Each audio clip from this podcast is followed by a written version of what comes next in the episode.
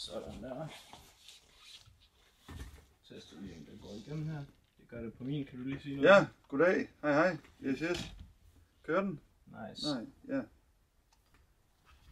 Og et klap, og så er vi fandme i gang.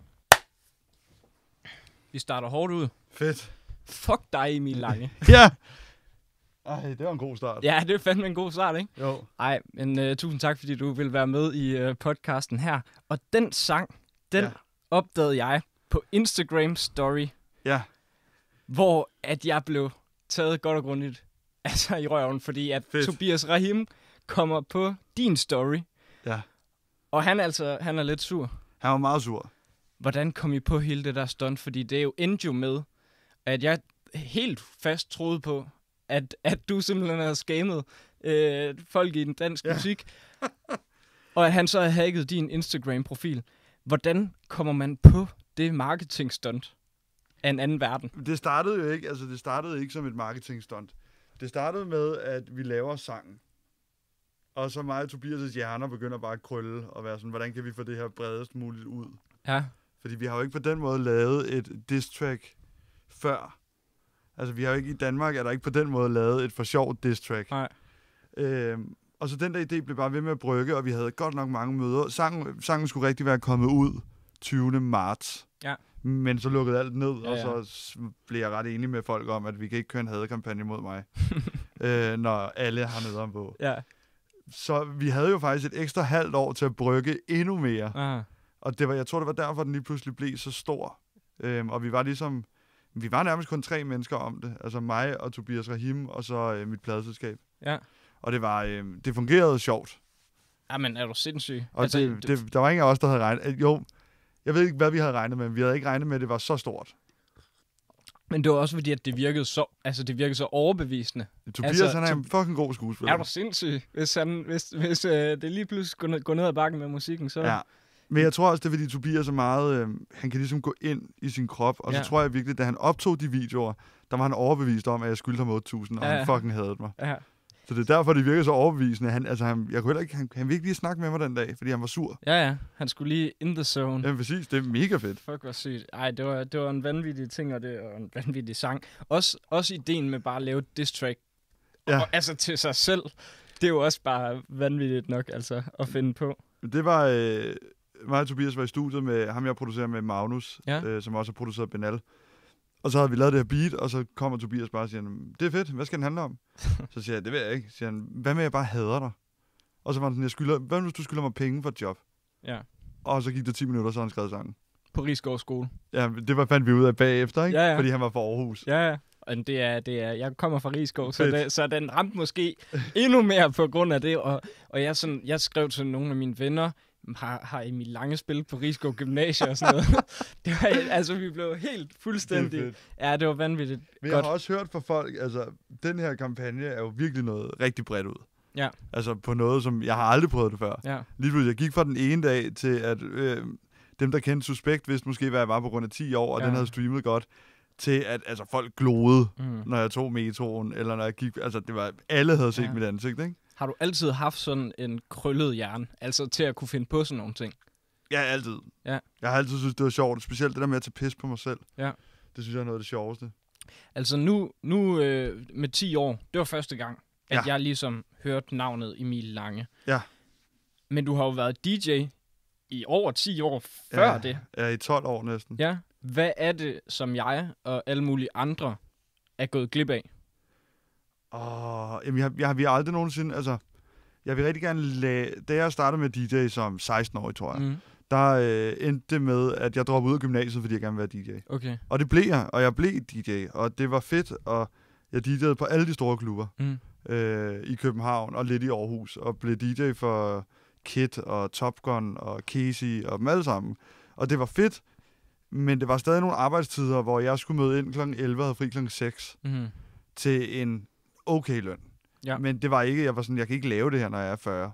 Jeg kan ikke altså, bare være DJ. Jeg Nej. kan ikke bare stå på en bar eller en natklub, selvom det er noget af det sjoveste, jeg elsker stadig at gøre det. Øh, så, så det, I gik glip af, var i princippet, at øh, I har 100% set mig før. Jeg har bare været DJ for nogen, I har været inde og se. Ja. Øh, men ikke så meget andet end det. Jeg brugte al min tid på at øve mig og gøre mig rigtig god teknisk. og øh, forstå hele musikforståelsen bag. Øh, blandt andet det her med, hvad gør man, når du skal spille til et bryllup? Mm. Hvordan lader du være med at ødelægge nogen største dag? Ja, Det er meget vigtigt. ja. Øh, og så det her med at være teknisk dygtig, det her med at kunne mixe forskellige genrer, sådan, så du ikke bliver irriteret, når du skal danse. Og Men hvornår startede musikinteressen? For den må have været startet, før du stillede dig op bag jeg har altid sagt, at jeg aldrig vil lave musik. Okay. Det er nok det, jeg er blevet spurgt allermest om, mens jeg DJ'ede, at jeg ikke skulle til at lave musik. Og sådan, det interesserer mig ikke. Jo, men hvad før? Altså, hvor, hvorfor var det, at du stillede dig op bag den pult? Det var fordi, jeg synes, det var mega sjovt. Jeg spillede øh, bas og kontrabas før, Okay. og spillede et balleshow, som var sådan et firmasfest, hvor vi kom ud som band, Ah, og vi fik 5.000 kroner til deling, Ja. og det dækkede lige alle udgifter, og så fik vi 100 kroner hver agt, ikke? ja. Og så ugen efter blev jeg booket til et DJ-show, hvor jeg aldrig havde DJ'et før. Okay. Men jeg synes bare, at det skulle jeg prøve. De synes, jeg havde god musiksmag. Mm. Og så tjente jeg 5.000 alene Ja, på det- at stå. Altså, ja, det og jeg kunne ikke finde ud af DJ. Nej. Og så var jeg sådan, jeg synes, det var så sjovt. Og var bare sådan, det, det vil jeg så gerne lære. Mm. Fordi det er sjovt. Og nu siger du selv, at man har helt sikkert set dig. Ja. Bare ikke lige vidst, at du hed Emil Lange. Jamen, Ikke? jeg har bare været baggrund, ikke? Jeg Ja, har ja. bare været DJ for en. Men hvad, altså fordi vi kender jo, vi kender jo alle sammen det der med, at ham, der, der står en DJ deroppe. Øh, men jeg tror, der er mange, der sådan, hvad er forskellen på en god DJ og en af de bedste DJ's? Hvordan er man en god DJ? Mm, Det er svært at definere, men jeg vil jo sige, at en god DJ på en natklub, at der kan du se det på omsætningen. Mm. Du kan simpelthen se, at øh, der bliver brugt flere penge i baren. Der er flere mennesker, der bliver til sent. Ja. Også selvom de ikke ved, hvem man er. Mm. Sådan så er det simpelthen, eller hun er, undskyld. Det er 2020, det glemmer jeg nogle gange. Ja, ja.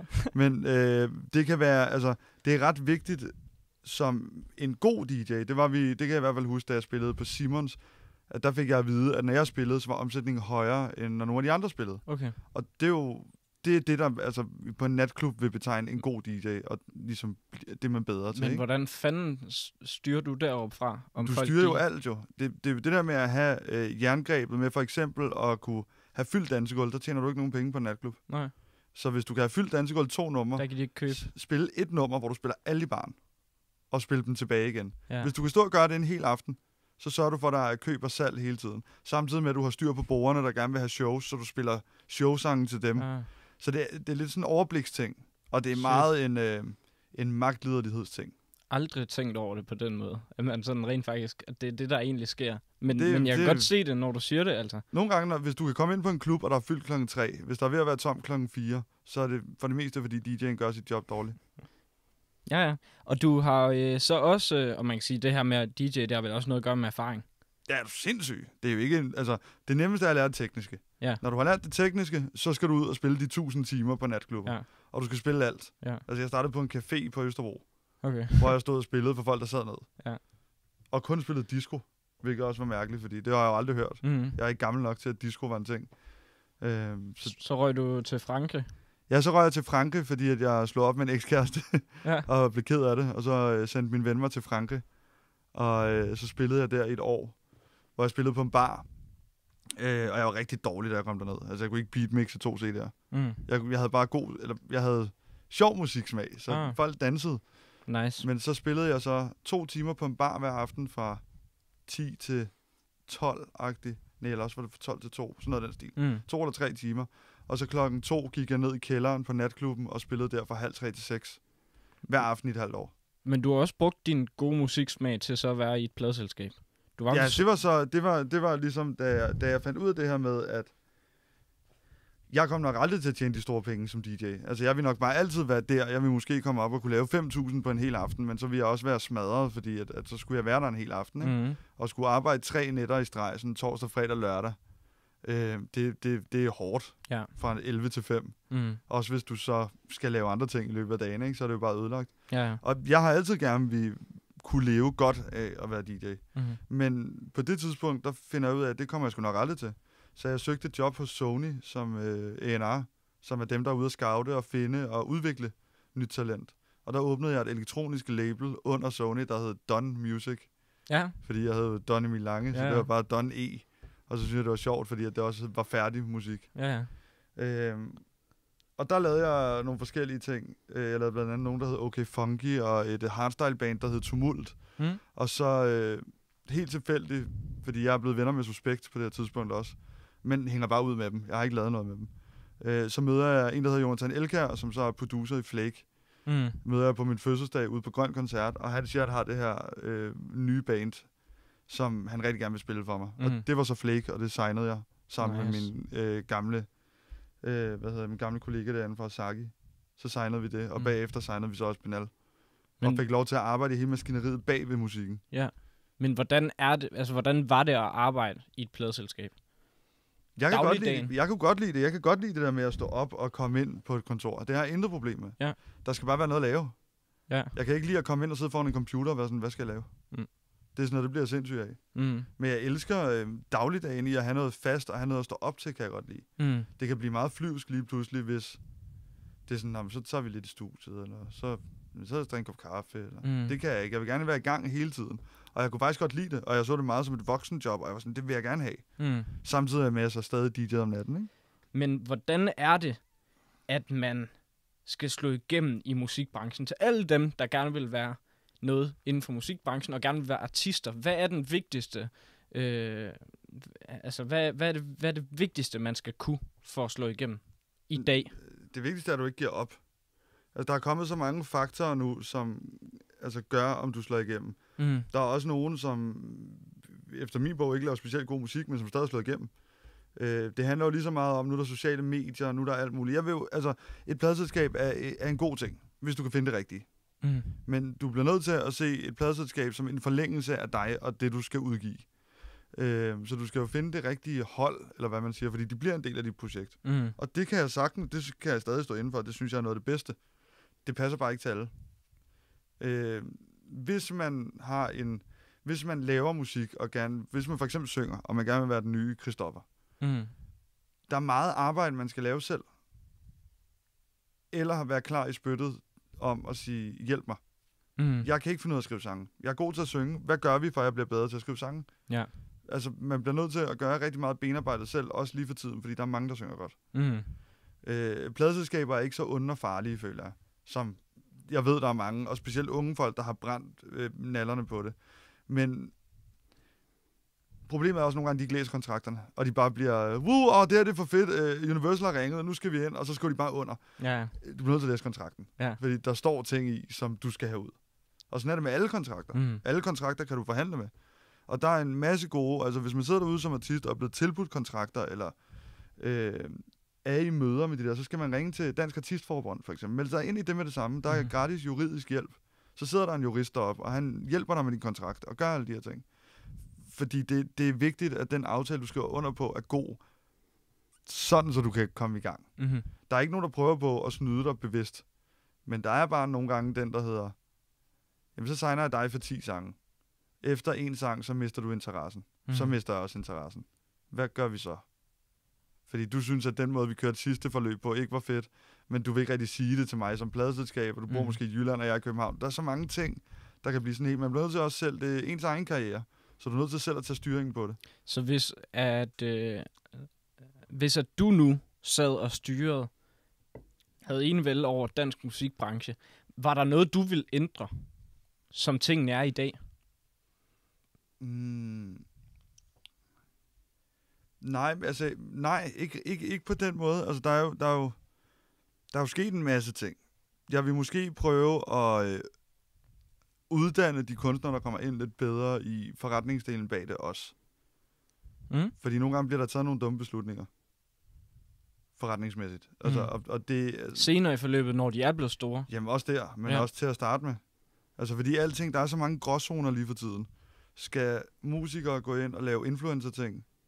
Eller skal influencer gå ind og lave musikting? Altså det, det er meget, jeg synes det hele er en meget blandet bold lige nu. Mm. Og jeg tror som plade, nu, jeg, jeg har jo ikke siddet i pladeselskab i over et år. Og øh, var slet ikke det marked, jeg kiggede på. Så altså, jeg tror bare, det er svært det der med at finde fodfæste. Der er så mange forskellige ting, du kan lave nu som ung, der gerne vil lave musik for eksempel. Mm. Det kan være, at øh, når jeg er god til at synge, men jeg vil virkelig gerne være skuespiller. Så hvis nu jeg udgiver musik, så kan det være, at jeg bliver spurgt om at være med i en film. Altså alle folk har sådan forskellige agendaer, Mm. og det, jeg synes i hvert fald, det er forkert at sige, at det er pladselskabernes skyld, at det, at det er dem, der maser nogle af de unge talenter. Mm. Jeg synes også, at man skal... Hvis du for eksempel sidder med dit produkt og synes, det her, det, jeg har lavet en fucking fed sang, der er ingen pladselskaber, der vil tage den. Så kan du vælge at sige, fuck det, jeg udgiver det selv. Ja. Altså, Det kan man jo i dag. det kan Det, du, det ja. har man jo ikke altid kunne. Men det kan du så Ja. nu, og det er jo en mulighed. Eller du kan sige, nej, det var alligevel også min første single, det var min første demo. Mm. Lad mig gå tilbage og lave tusind til. Ja. Det er jo sådan, hvad du ligesom har lyst til. Der er så mange muligheder. Det er bare altid nemt, hvis, hvis folk ikke svarer på en mail, for eksempel. Fordi jeg kan det selv huske, jeg har da også fået demoer fra folk, der bare ikke svarede. Fordi, Mm. hvad, hvad skulle jeg svare? Hvis der er en, en dreng på 17, der sender en sang til mig, og jeg virkelig ikke synes, det er godt, skal jeg så komme med sådan en lang foredrag om, hvorfor jeg ikke synes, det er godt, eller skal jeg bare lade være med at svare? Ja. Altså, fordi det... Hvis, hvis jeg nu skriver til ham, at jeg synes, han skal ikke lave musik, du har simpelthen ikke talent til det for det, det kan jeg jo ikke skrive, Nej. så er det nemmere bare ikke at svare. Ja. Og plus, man får mange mails, når man sidder i et pladselskab. Altså fra folk. Helt Og man sikkert. vil jo allerhelst bare kunne sige, fuck, hvor er det fedt. Og du hoppede så ud efter at have været i pladselskab, og så mega lang tid. Altså, som du selv siger, 10-12 år ja. som DJ, og så skal du lige pludselig selv udgive musik og være artist. Hvorfor skulle du det? Øh, det korte svar var, fordi Rune Rask sagde det. Ja. Det var det. Var, det, var det. Rune Rask var også ham, der sagde dengang, at jeg kom ind i pladebranchen. Der, det var ham, der sagde, altså, du vil være sindssyg, hvis du kom ind som A&R på et sted. Ja, Det var, vi er i alberne hvert år at spille, og Suspekt. ja. Og så øh, er der sådan et legendarisk rygerum nede på en natklub, hvor at, øh, det var der, han sagde, at øh, jeg tror, du kan blive rigtig stor inde i musikbranchen og lave nogle kæmpe succeser. Mm. Og så forrige år har det så været det, var der sidst, der stod vi inde i samme rygerum, og så sagde han, nu har du været der, nu skal vi lave noget musik. Ja. Og så ugen efter ringede Emil og sagde, jeg har fået en bunke beats af Albert fra Benal. Jeg har skrevet et nummer til dem. Det var ikke det beat, der endte med at blive 10 år, men han har skrevet et nummer. Ja. Og så tog vi ind, og så indspillede vi hele sangen plus fire ekstra vers eller sådan noget. Mm. Og så gik jeg i studiet med Albert bagefter og lavede produktionen sammen med ham. Og så var det det. Vanvittigt. Så sendte jeg det til min booker, fordi jeg har altid haft booker på til, du ved, øh, Ja, ja. firmashows og alt sådan noget. Det er altid nemmere, at der er stået en for det. Mm. Og så ringede hun mig op og var sådan, det her det er ikke godt. Så siger jeg, hvad mener du? Det her det er et godt nummer. Det, er ikke, det var ikke det, der var meningen. Det var ikke det, du skulle lave. Du skulle bare lave et eller andet sjovt. Ja. Det her det er godt. Så var jeg sådan, nej, nej, der, der sker ikke noget. Der skete så rigtig meget lige Ja. meget på meget kort tid. Er du sindssyg, men, men altså, nu, ja, været DJ i mange år, men hvordan startede det der ret kendte forhold til Suspekt? Det, jeg var faktisk over at spille i Aarhus, hvor jeg mødte Emil, øh, fordi han var gode venner med min, han gode venner med min ven Ilok Akke, øh, som er med i Au Au. Og de kendte hinanden, fordi de havde lavet nogle ting sammen, mener jeg. Øh, og så mødte jeg Emil, og så øh, skulle vi til DJ Awards ugen efter, hvor jeg så mødte resten. Mm. Og så klikkede vi bare mega godt, og lige pludselig så var jeg med dem på tur og varmede op for dem, efter at DJ Er du dum eller hvad hoppede ud. Og lige pludselig, det var meget sådan ro- rodebutik, Mhm. og lige pludselig så blev vi bare alle sammen venner. Der er ikke sådan en klar situation, hvor jeg bare kan huske, da Emil stod foran mig, og Nej. der er ikke sådan en, men Men altså, på tur med Suspekt, der må fanderen rest med ske nogle ting. Og jeg talte øh, med Pelle, Pelle Peter i går, og han sagde, spørg ind til nogle røverhistorier. øh, altså, der er ikke så mange. Altså, vi har det rigtig skægt, når vi er på tur. ja, Men det er jo mere sådan, hvis du kan forestille dig dig og dine 15 bedste venner lege et sommerhus. ja, ja, Altså, det er den stemning, fordi vi bor jo i en bus med sovesengen. Ja. ja, Og så er det jo bare os, der skal ud. 15 drenge, der elsker hinanden. Nu skal vi ud og spille. ja. Og så drikker vi os simpelthen så stive. Men vi forlader aldrig den der bus. Så der sker ikke rigtig andet, end vi står på hovedet på sæderne. Og, altså, der, der er ikke... Altså, Er du sikker på det? altså 200 procent. Nice. Der har men, nogle øh, grøn koncertfester, der var sjove. Ja, Men vi ender bare altid i bussen alligevel. ja, ja. Det er lidt det der med at Og være på har- lejerskole Men du har også været, altså som du også startede ud med at sige, altså, det er fandme mange, du har været DJ for. Ja, og også været på Altså. tur med. Er du sindssyg? Altså, og det liv, hele det liv med at være DJ, altså, hvor lang tid holder det? Altså, hvor lang tid kan man holde til det, den livsstil? Mm. Det kommer an på mange ting. Det kommer an på, hvordan du griber det an. Jeg har altid grebet det an med, at jeg godt lide at gå i byen i weekenderne. Mhm. Mm-hmm. Så når jeg spiller, så... Jeg kan jo ikke gå i byen, fordi jeg spiller. Mm. Så jeg kombinerer det. Mm. Mm. Altså, jeg har venner med, og vi hygger. og Ikke, lige nu, fordi nu spiller jeg en anden type shows, ikke? Men dengang, altså... Jeg vil sige, mange af mine venner, nu er jeg 29, og det er mine venner omkring mig, også der DJ'er, de er lige så stille begyndt at stoppe nu, mm. mm. og har fundet ud af, hvad de skulle. Øhm, og så gør de det en gang imellem, spiller de bryllup og sådan noget, men, Mhm. mm-hmm. men de lever ikke af det mere. Men hvad nu, da du, altså, at du går i gang som 16-årig? Ja. Hvordan har et spillejob for dig ændrede sig fra da du var 16, 17, 18, 19, 20 til, i- altså i Til dag? nu. Ja. Hvad, er forskellen? Der må være en forskel. Der er kæmpe forskel. Altså, jeg er jo blevet meget bedre og har fået et meget større musikkartotek for det første. Ikke? Ja. Øh, for det andet så har jeg udgivet musik, så jeg spiller 40 minutter i stedet for at spille 5 timer. Ja. Øh, så det, og det er blevet lidt mere øh, showagtigt. Ja. I København, der snakker du for eksempel ikke i mikrofon, som du gør i Jylland. Det, jeg blev så overrasket første gang, vi havde et kidjob i Horsens eller sådan noget, og jeg bare kommer ind, og det er bare en anden... Ja, så kan vi se, at Emil Lange og kidder i huset, huset, huset. Man bliver sådan helt, sådan er det slet ikke i København. Nej. Der spiller du bare og holder din kæft, ikke? Ja. Øh, Og så i 40 minutter af gangen. nej, det er jo så nu her, efter at jeg har udgivet musik, ikke? Ja. Så spiller jeg, Nå, ikke, jeg nej, spiller ja. ikke så lang tid mere, Nej. Fordi folk vil bare gerne se giraffen, specielt i Jylland. Mm. En gang imellem, da klubberne havde åbent, så tog jeg sådan en hele aftens chance på en af de store klubber. Mm. Fordi det synes jeg stadig er sjovt. Det er noget andet. Mm. Men øh, altså, ja, altså nu har, nu har jeg læst en masse artikler, fordi at, altså, selvfølgelig sker der en masse ting, når tiden går også. Ja. Især når man så har været der i 13 år. Og så, øh, så skulle jeg jo læse op til det her interview, og jeg læste en artikel i Euroman, Ja. hvor du siger, at du kunne også godt tænke dig på et tidspunkt at spille noget mere stille musik. Ja, Og det er jo, en, altså, det er jo noget af en markant ændring fra, fra, fra det, der er udgivet indtil videre i hvert fald. ja. Heller hvordan, hvordan kan det være? At, altså, Jeg tror, at det, jeg mente med det, det var, da vi startede. Da jeg startede, der var også et crew, der hed Lortehænderne. Og Ja. vi spillede altså sådan noget hård, distortion, rave-musik. Og mm. det var det eneste, vi spillede. Og vi synes det var det fedeste. Og jeg kan huske, at dem, der lige var fem år ældre end os, de var med, de synes det var det fedeste. Mm. Og så gik der fem år, og vi synes stadig, det var det fedeste. Og der var de ligesom blevet 29, 30, og de synes ikke, det var så fedt mere. Mm. Altså, der er de ligesom, de vil gerne have noget... Jeg tror, det jeg prøvede på at sige med det i hvert fald, det er, at i gamle dage, så var jeg helt klar på, at hver aften, så skulle vi bare ud og banke hinanden, og man skulle hoppe og crowdsurfe, og Mm. hvor at nu kan jeg godt lide for eksempel at spille øh, dansemusik, og se pigerne komme ud og danse. Mm. Det andet er meget øh, drenge. Det er meget, nu skal drengene ind og moshpit, ja. ikke? Gutterne. Hvilket også er fucking fedt. Men nogle gange er det også fedt, hvis du bare lige kan have sådan 15 rigtig pæne piger, der står og danser. Så det er også en ændring, der er sket over, over Ja, tiden. det er altså 100%. Ja, Men samtidig, altså, jeg laver jo stadig de andre shows, hvor Ja. det bare er fuld smadret. men jeg tænkte også mere på din egen musik. Altså hvis, hvis, Og hvis det kommer ikke, altså, det, det, der, det er fuld det er fuld skrue. Jamen, det, og, men det har også noget med udtrykket, vi har valgt at, at lave det. Vi er jo flere, om, vi er jo flere omkring musikken. Det er jo øh, mig, der selvfølgelig har, er chefen og bestemmer. Mm. Men jeg har jo ligesom allieret mig med både Rune Rask og Albert fra Benal. Mm. Øh, og det er os, der ligesom laver tracksene sammen, ikke? men mig, der bestemmer. Og det er festen, der fungerer bedst. Vi har mm. prøvet alt. Vi lavede jo også øh, Langt Liv, som var et underligt nummer.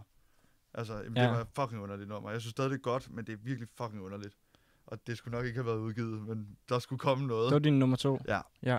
Øh, og det er fucking underligt nummer. Jeg har heller aldrig spillet det, fordi det, det er bare mærkeligt. Mm. Øh, og så kunne jeg mærke med, fuck dig, nu skulle vi tilbage til noget mere fest, men stadig lige holde den nede. Fordi jeg prøver også på at etablere mig som artist. Mm. Jeg prøver ikke på at etablere mig som øh, øh, dak, dak, dak mand eller et eller andet. Jeg vil gerne lige vise, at vi kan godt lige lave en masse ting. Mm. Bare fordi, at hvis jeg bare havde udgivet fem fuldstændig smadret nummer med det samme, så havde det jo bare været det. Så havde vi aldrig nogensinde kunne gå væk fra det. Mm. Så jeg tænkte, hvis vi starter med 10 år, nu den, der lige er kommet, kommer selvfølgelig an på, hvornår det, det bliver sendt, Ja. men den, der øh, kommer nu her, den, det er smadret igen. Altså, det er nok det mest smadrede nummer, jeg nogensinde har lavet. Ja. Og det, der er mest fest. ja, man kan sige, det er september, den 10. september i, i nat, der Ja. kommer der en ny single. Ja, præcis. Ja. Hvad er det, man kan få, du siger smadre igennem det er der? så smadret. Det er, ja. Altså, når man snakker tempomæssigt, så 10 år, som er fest, den gik øh, 120 bpm, Mm. som er normal house-tempo. Den han går 136 bpm, men er stadig house. Det, vi er nærmest oppe i sådan noget trap-tempo, men. Mm. bare i dobbelt. Ja, det er rigtig skægt og rigtig hårdt, og det er det sjoveste nummer, jeg har lavet. Mm. Så hvordan ser en hverdag ud nu som artist? Hvordan er din hverdag som artist i dag? Jeg står lidt senere op, end jeg gjorde, da jeg var på Sony Ja. og de andre steder. Øh, men normalt så, øh, jeg plejer at holde mandag fri, fordi det er min søndag. Mm. Fordi normalt, når du arbejder weekender, som jeg også gør, samtidig med, at jeg er ude på B3, så har du ikke, altså, du har ikke, du har ikke nogen weekend. Du har Mhm. søndagen. Så jeg plejer at holde fri om mandagen, og måske bare tage telefonmøder, og sådan stille og roligt, og så måske i studiet om aftenen. Øh, og så tirsdag starter jeg med at komme ud på B3 og skal lave Selv Tak, som er mit radioprogram. Mm-hmm. Øh, og der er meget forberedelse til det. Der er mange numre, der skal findes, og det skal også DJ's og speakes, og jeg er meget ude på DR for tiden. Mm. Øh, og så har jeg for det meste et eller to møder om ugen med mit pladselskab, hvor jeg er signet. Ikke øh, det, jeg havde. Og, og det er egentlig... Jeg plejer at være hjemme ved 8.30 tiden hver aften, og være godt mørbanket. Er du sindssyg, ja. Men så skal man også lige ud, ikke? Så man skal også lige huske det sociale. Mm. Og lige ud og have Men en man kan sige, du har jo så stadigvæk hele den der, du sagde, du godt kunne lide, den der faste ting herude, ikke? Jo. Det, det, det, DR og P3 er vel din faste Ja, meget. ting i det, fordi at man kan sige, hvor lang tid, altså nu udgiver du et nummer cirka, med hvor stort mellemrum? Jeg regner med, at der kommer et til i år. Okay. Øh, Udover det, det der her. kommer i aften, ja. Så regner jeg med, at der kommer et til i år, og så vil jeg gerne smide noget, jeg lavet igen i januar. Okay. Så hvad, det er jo også det, og det er jo noget helt andet, som jeg også ved som pladselskabsmand. Øh, man ved ikke, hvad der sker med numrene. Mm. Hvis jeg udgiver et nummer, der går ind som nummer et, så udgiver jeg ikke noget, før det er på vej væk. Mm. Fra, fordi det giver ikke nogen mening. Det skal jo bare have lov til at køre. Folk kan godt lide Ja, det. 100 procent. Så jeg, det er meget øh, fleksible planer hele tiden. Mm. Og der er også meget med forløb, når du skal lave for eksempel radioforløb, hvis du skal have det på B3. Så det er altid en god idé lige at spørge, hvis de tager den ind i en re-rotation, og du er klar med næste nummer og sige, hvad, altså har I tænkt jer at lade den blive? Når man kører sådan en genre, som du gør, ikke? Mm. kan man så overhovedet udgive album? Det Er kan man godt. Ja. Men vi har faktisk snakket om det. Øh, fordi jeg vil gerne måske udgive en EP. Mm. Men så snakkede jeg med mit pladselskab og Rune Rask om det, og vi var... Jeg har, og det havde jeg ikke tænkt over, men hvorfor skulle jeg udgive en EP eller et album? Mm. Det, jeg, man udgiver jo et, et album for at lave et værk. Eller for at samle noget. Men der skal også være nogle albumnumre, som ligesom er den der, uh, jeg køber album på grund af det her, nu kan jeg endelig høre, hvad de mener. Jeg kommer aldrig til at lave sådan et nummer. Mm. Altså, jeg kommer til at lave sjove numre, og gode numre, men, men festnumre, de skal alle sammen kunne noget forskelligt. Den her, vi udgiver nu, er ikke et nummer, jeg regner med på nogen måde øh, bare banker der ud af streamingmæssigt. Mm. Men det er sjovt, og der kommer til at være en masse mennesker, der kommer til at stå på deres soundboxe øh, hjemme i deres jyske lejligheder og danse til det. Altså, Ja. Og det giver også lige så meget for mig. Mm. Jeg, jeg, det kan godt være, der kommer et album. Og hvis der gør, bliver det fucking sjovt. Ja. Fordi jeg ved ikke, hvad der skal være på. Altså, det er mærkeligt med de der... Jeg, kan, jeg tror ikke, jeg kommer til at lave et album. Men hvad er, altså, når du sådan tænker frem i tiden, altså, hvad er tidshorisonten? Fordi at, altså, altså, hvad skal der ske med Emil Lange? Hvad er tidshorisonten? Hvor, hvor, kigger du fremad? Altså, tænker du på fremtiden? Ja, ja, men jeg ved ikke, hvad jeg kommer til at lave. Nej. Altså, jeg kommer nok 100% til at lave... Nu har jeg levet omkring musik i så mange år. Ja. Så det kommer ikke til at stoppe. Og jeg synes, det her nye eventyr, jeg kaster mig ud på ved at udgive musik, det er noget af det sjoveste, jeg har prøvet. Mm. Og den skal jeg jage i lige så lang tid, jeg kan. Mm. Så det er nok det, jeg kommer til at lave de næste mange år. Så det bliver inden for musikbranchen? 100, men jeg tror mere, det bliver som udgivende artist. Helt sikkert. Øh, og i alle mulige mærkelige konstellationer. Mm. Og hvad det, altså nu, nu, det talte jeg også med Pelle om i går, af hele det her øh, corona-cirkus. Ja.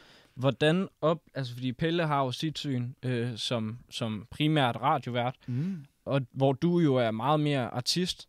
Ja. Hvordan er synet fra artisternes øh, side i forhold til hele den her, det hele det cirkus, der, der har været i gang ja, hele 2020? Det er svært, fordi... Hvor skal man... Altså, vi er jo... Mit år i år, for eksempel, sådan som det var booket. Øh, altså, der har jeg mistet rigtig mange jobs. Mm. og rigtig mange penge. Altså, Ja. Det var mit år, hvor nu skulle jeg til at spille festival og skulle alt det her. Alt det er jo væk, øh, og det var jeg rigtig ked af i de første par måneder. Men så må man jo finde på andre ting at lave. Det er mm. meget sådan, jeg har det. Det skal ikke holde mig tilbage. Jeg skal ikke bare lukke mig inde i et mørkt rum, og så altså, ligge der. Så Mm. må jeg tage ekstra timer på DR. Så må jeg... Jeg skal lave noget tv. Altså et eller andet. Jeg bliver bare nødt til at holde mig selv i gang. Lave mere musik. Mm. Fordi det kommer tilbage på et eller andet tidspunkt. Hvordan det bliver håndteret fra regeringens side, det, det ved jeg ikke. Jeg er ikke læge eller noget som helst. Altså, jeg læser kun, hvad de officielle hvad hedder det, hjemmesider skriver op og bare holde mig fra alle medierne, fordi at der er lige så mange medier, der skriver mærkelige ting, som der er i kommentarerne nedunder. Mm. Der er mange sølvpapirshatte, føler jeg. Så hvad, hvad, altså, hvad holder dig i gang som musiker? Hvad er det, der gør, at du ikke siger, når så fuck det hele? Men det var jo det, jeg fandt ud af, da jeg gik ud af mit... Jeg havde mit eget pladselskab i tre år. Da jeg hoppede ud af det, efter vi lavede 10 år, øh, fandt jeg ud af det der med at stå op om morgenen. Jeg tager jo ikke på arbejde på noget tidspunkt. Mm. Alt, hvad jeg laver, det er jo noget, jeg laver for mig selv. Mm. Altså, det er jo mig... Det er mere den der med at, at skulle vågne op at skulle tage på arbejde, den er he- helt væk fra mig, fordi jeg lever bare mit liv. Mm. Og det er jo også at lave radio, og det er at tage i studiet. Så det er det, der holder mig i gang. Det er kedeligt, at jeg ikke kan komme ud og spille, men sådan er det. Mm. Der er jo ikke rigtig noget at gøre. Der er ingen grund til at lægge sig ned og dø, fordi man ikke kan komme ud og spille. Det vil simpelthen, så det vil være forfærdeligt. Mm. Man må bare finde på andre ting, der kan holde en i gang og gøre en glad. Og jeg er rigtig glad, selvom at jeg ikke kan komme ud og spille. Mm.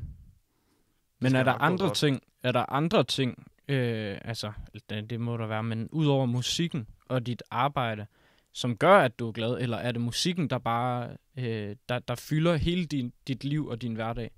Lige nu der er det bare, altså det du kalder arbejde, det jeg bare kalder at leve, ikke? Men altså, det, Ja. er jo, det er bare det, der fylder. Altså, jeg har gode venner, og det er fedt. Og Ja. jeg elsker alle de ting, jeg laver lige for tiden. Mm. Og hvis der er noget, jeg ikke elsker, så kommer jeg ikke til at lave det. Det er det, jeg har fundet ud af. Fordi mm. det er federe. Så der, jeg, kommer ikke, jeg vågner ikke op og tænker, åh, det her det gider jeg ikke. Mm. Altså, det har jeg simpelthen ikke gjort. Jeg synes, det er så sjovt. Alt det, jeg laver lige nu. Mm. Hvor meget tænker du på fremtiden? Øh, ikke specielt meget, faktisk. Mm. Øh, men det er også fordi, jeg kan, ikke, jeg kan ikke... Hvis du kigger på, hvad jeg har lavet de sidste 12-13 år, jeg, kan jo ikke, jeg aner ikke, hvor jeg ender. Jeg har lavet alt de sidste 12 Jeg ved mm. Ikke, hvad der sker. Og jeg tænker ikke rigtig på fremtiden overhovedet. Mm. Sådan... Ikke for dig selv. Nej, ikke rigtigt. Hvad er dine tanker så omkring altså, hele den udvikling, som musikbranchen har været igennem i, i de sidste 10 år? Ja. Hvor, altså, hvor tror du, at, øh, hvad tror du, der bliver det nye? Hvad, hvad, hvad er det, man skal kigge hen imod? Lige nu kører vi jo streaming, ikke? Ja. Og det er ligesom den... Altså, der kommer jo 100% noget nyt. Men hvad det bliver, det, det, det tør jeg slet ikke gætte på, fordi... Jeg, consumer, øh, hvad hedder det, mentaliteten er også blevet værre. Det, vi er også nået til et sted nu, hvor folk ikke kan forstå, at øh, hvorfor skal jeg betale et abonnement til Spotify, når jeg kan få en gratis version? Mm-hmm. Altså, det er det der med, at folk måske også glemmer, at musik koster penge. Hvor det jeg vokset op med at kunne se det her. Ja. Det kan jeg godt huske. Det kostede 150 kroner for en CD, og der var et nummer, jeg gerne ville høre. Mm-hmm. Men det kostede 150 kroner.